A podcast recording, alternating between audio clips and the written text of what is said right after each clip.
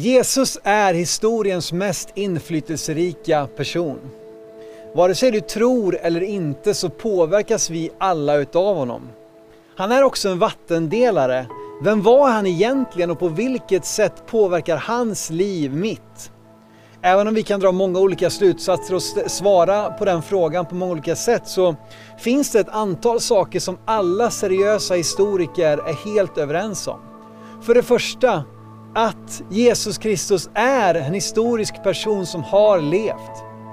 För det andra, att denne Jesus blev avrättad och korsfäst under Pontius Pilatus. Och för det tredje, att graven var tom på den tredje dagen. Vi läser ifrån Lukas kapitel 24, vers 1-12 och jag kommer läsa de första åtta verserna.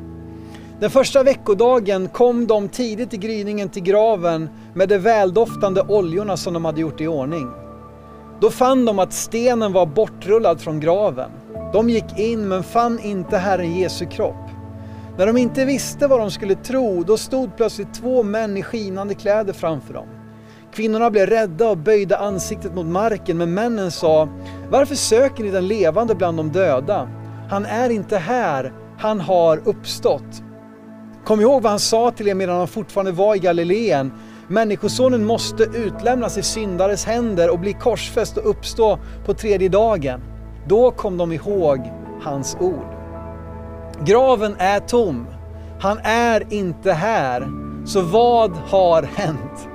Ja, det första man kan tänka sig är att lärjungarna har tagit kroppen. Och det är den första, det första ryktet som fariseerna själva är med och sprider när de romerska soldaterna kommer och säger att stenen är bortrullad för graven och kroppen är borta. Men tänk en liten stund på lärjungarnas tillstånd. Vid Jesu korsfästelse har de alla skingrats. Petrus, ledaren, har förnekat Jesus tre gånger. Judas, en annan lärjunge, har förrått, dem, förrått Jesus och gått och hängt sig. Att de så snabbt skulle återsamla sig, övermanna romarnas elitsoldater och iscensätta en kupp av det här slaget är högst osannolikt. Rent av när Jesus kommer till dem efter sin uppståndelse så är de samlade bakom låsta dörrar, rädda, skrämda, förlorare. Så kanske har vakterna tagit kroppen. Men att överge sitt vaktuppdrag eller somna på sin post var för en romersk soldat förenat med dödsstraff. Att de skulle ha tagit kroppen med risk för sitt eget liv är högst osannolikt och att Pilatus, deras befälhavare, skulle beordrat dem att ta kroppen verkar inte heller troligt. Han har ju beordrat Jesu avrättning just för att inte reta upp judarnas råd och hålla sig på god fot med dem. Kanske har fariseerna tagit kroppen.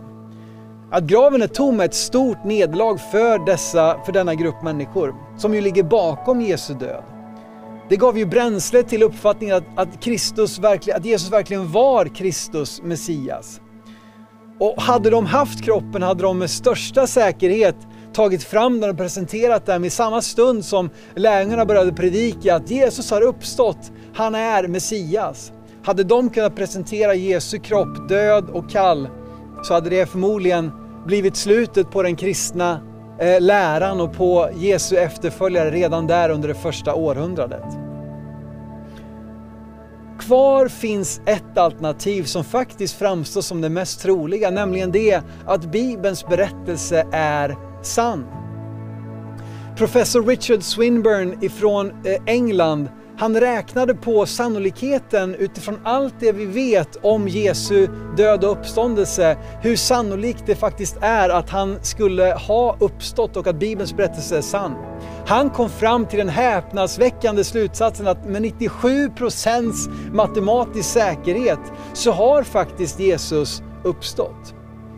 Om det är så så förändrar det allt. Det betyder att han är Guds son som har besegrat döden. Att allt han sa och lärde faktiskt stämde och att det bara är genom honom vi kan ta emot frälsning, förlåtelse och evigt liv. Paulus säger i första Korinthierbrevet 15 att om Kristus inte uppstått så är vår predikan och således också vår tro helt meningslös. Men om han har uppstått så gör det all skillnad i världen. C.S. Lewis sammanfattar det så här. Kristendomen är en ståndpunkt som om den är osann är fullständigt oviktig.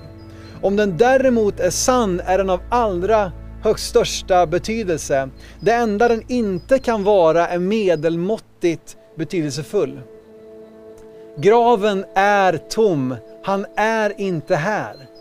Vad gör du med den vetskapen? Min uppmuntran till dig är att ta emot den gåva som det innebär, nämligen att på samma sätt som Jesus uppstod från de döda så erbjuder han genom tron på sig själv ett evigt liv för var och en som tror på honom. Ty så älskade Gud världen att han utgav sin enfödde son för att var och en som tror på honom inte ska gå förlorad utan ha evigt liv.